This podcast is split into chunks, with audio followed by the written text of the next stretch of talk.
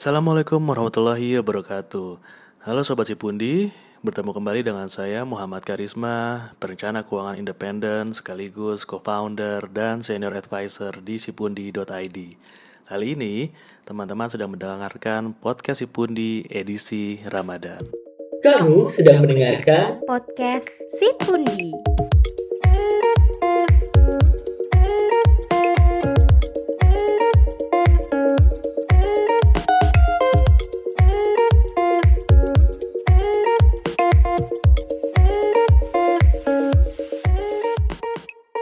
Nah, topik yang akan kita bahas kali ini adalah terkait dengan THR, di mana beda kondisi, beda pula alokasinya. Mungkin teman-teman di sini semua sudah ada yang pernah merasakan menerima THR di periode-periode atau kondisi-kondisi ekonomi normal. Nah, pada saat itu seolah-olah teman-teman udah mendapatkan penghasilan rutin tambahan di mana ketentuannya untuk pembayaran THR bagi umat muslim memang sudah diatur oleh Kementerian Ketenagakerjaan. Nah, kondisinya berbeda dengan saat ini ketika kita sedang dihadapkan oleh fenomena krisis yang tidak biasa dibandingkan periode-periode krisis sebelumnya, maka pengalokasian THR pun menjadi penting banget agar kita tahu pos-pos mana sih yang sebenarnya bisa kita prioritaskan. Sebelum membahas alokasi THR di kondisi saat ini, yuk coba kita kenali dulu biasanya THR kita itu perginya ke mana sih pada saat kita lebaran-lebaran sebelumnya.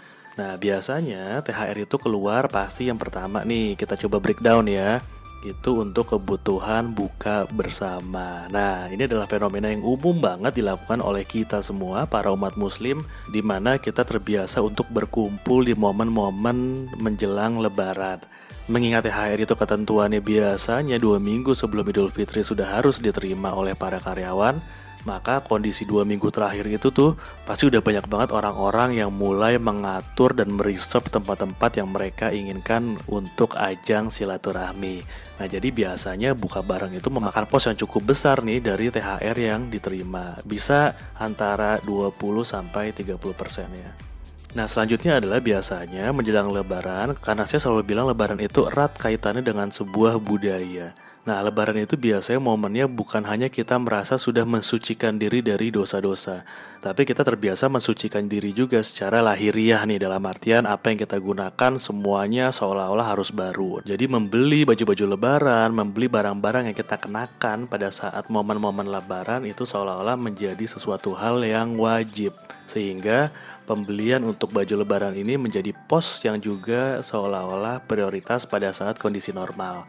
Nah, ini bisa memakan 10 sampai 20% biasanya dari THR kita. Nah selanjutnya tidak lain dan tidak bukan untuk para pekerja yang memang hijrah dari kampung halamannya Mereka pasti sudah merencanakan untuk mudik. Nah kebutuhan untuk mudik inilah yang biasanya akan memakan pos THR paling besar di kondisi-kondisi sebelumnya Di mana banyak nih rinciannya. Ketika mudik berarti kita harus berhadapan dengan ongkos untuk transportasinya Bensin, tolnya, kemudian untuk perawatan mobil ada juga kebutuhan untuk kita memberikan THR kepada para saudara atau angpau lah sebutannya untuk keponakan-keponakan, anak-anak di kampung halaman, dan juga saudara-saudara yang mungkin mengunjungi pada saat kita di kampung halaman.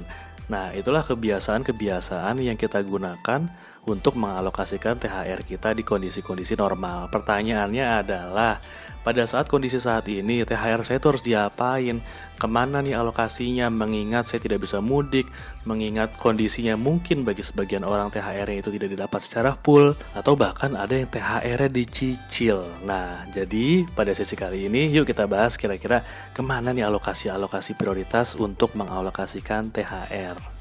Nah, yang pertama yang harus kita tancapkan dalam pikiran kita adalah pada kondisi saat ini, toh banyak yang akhirnya merasa bahwa oh, ketika saya menghadapi kondisi krisis, ternyata saya tidak sesiap seperti yang saya pikirkan.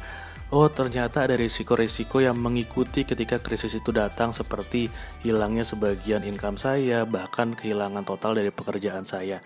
Itu kenapa yang harus dilakukan pada saat menerima THR di kondisi saat ini adalah pertama bersyukur dulu ya. Bersyukur bahwa ternyata di luar sana masih banyak orang yang mungkin tidak dapat THR karena tidak lagi bekerja. Bisa jadi mereka mendapatkan THR hanya sebagian dari yang biasanya mereka dapatkan Atau bisa jadi juga THR-nya karena ada kebijakan dari perusahaan-perusahaan tempat bekerja itu mencicil pembayarannya kepada para karyawan sehingga karyawan itu hanya menerima sepertiga atau bahkan seperempat dari yang biasanya didapat.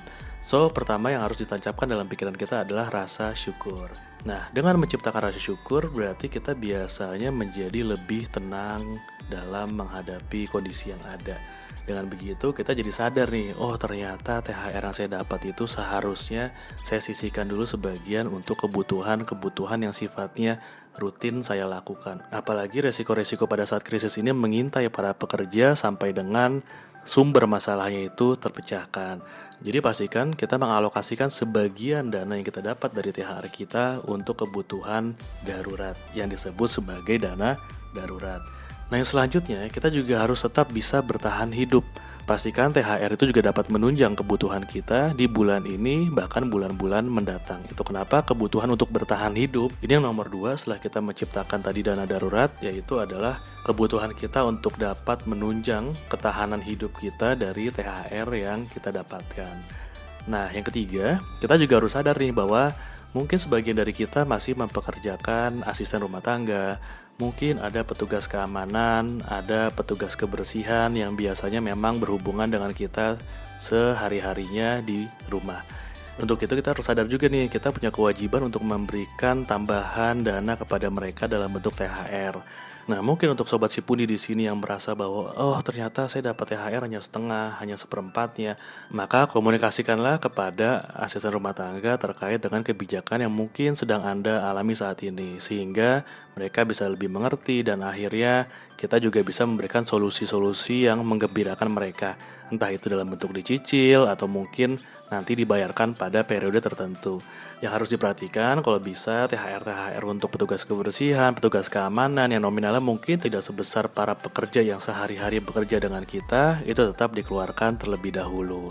Sehingga itu menjadi pos prioritas nomor 3. Nah yang terakhir kita juga harus sadar nih bahwa ternyata ada kewajiban-kewajiban yang memang tetap harus kita keluarkan.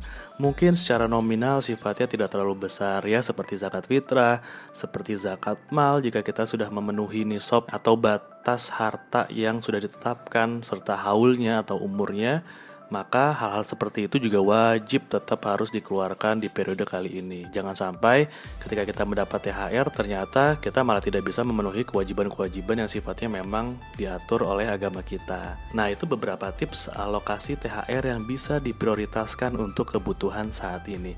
Di luar itu bisa jadi kebutuhannya tidak sepenting hal-hal yang tadi saya sebutkan. Yang terpenting adalah saya review ulang ya. Jadi kebutuhan-kebutuhan prioritas kita di kondisi saat ini adalah berarti tadi yang pertama adalah untuk kebutuhan dana darurat kita, memenuhi kebutuhan kita bertahan hidup, membayar hutang itu juga penting. So pastikan juga dari THR apabila kita ada kewajiban untuk membayar hutang itu tetap kita lakukan.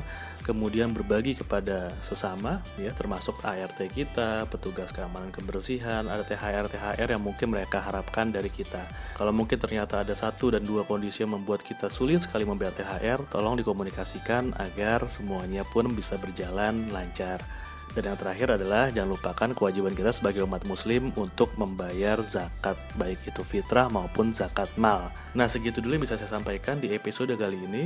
Tetap kelola pundi-pundimu agar apa yang kamu miliki saat ini tidak hanya habis untuk periode sekarang, tapi juga bisa berguna untuk kebutuhanmu di masa yang akan datang. Sampai jumpa pada episode selanjutnya di podcast Si Pundi.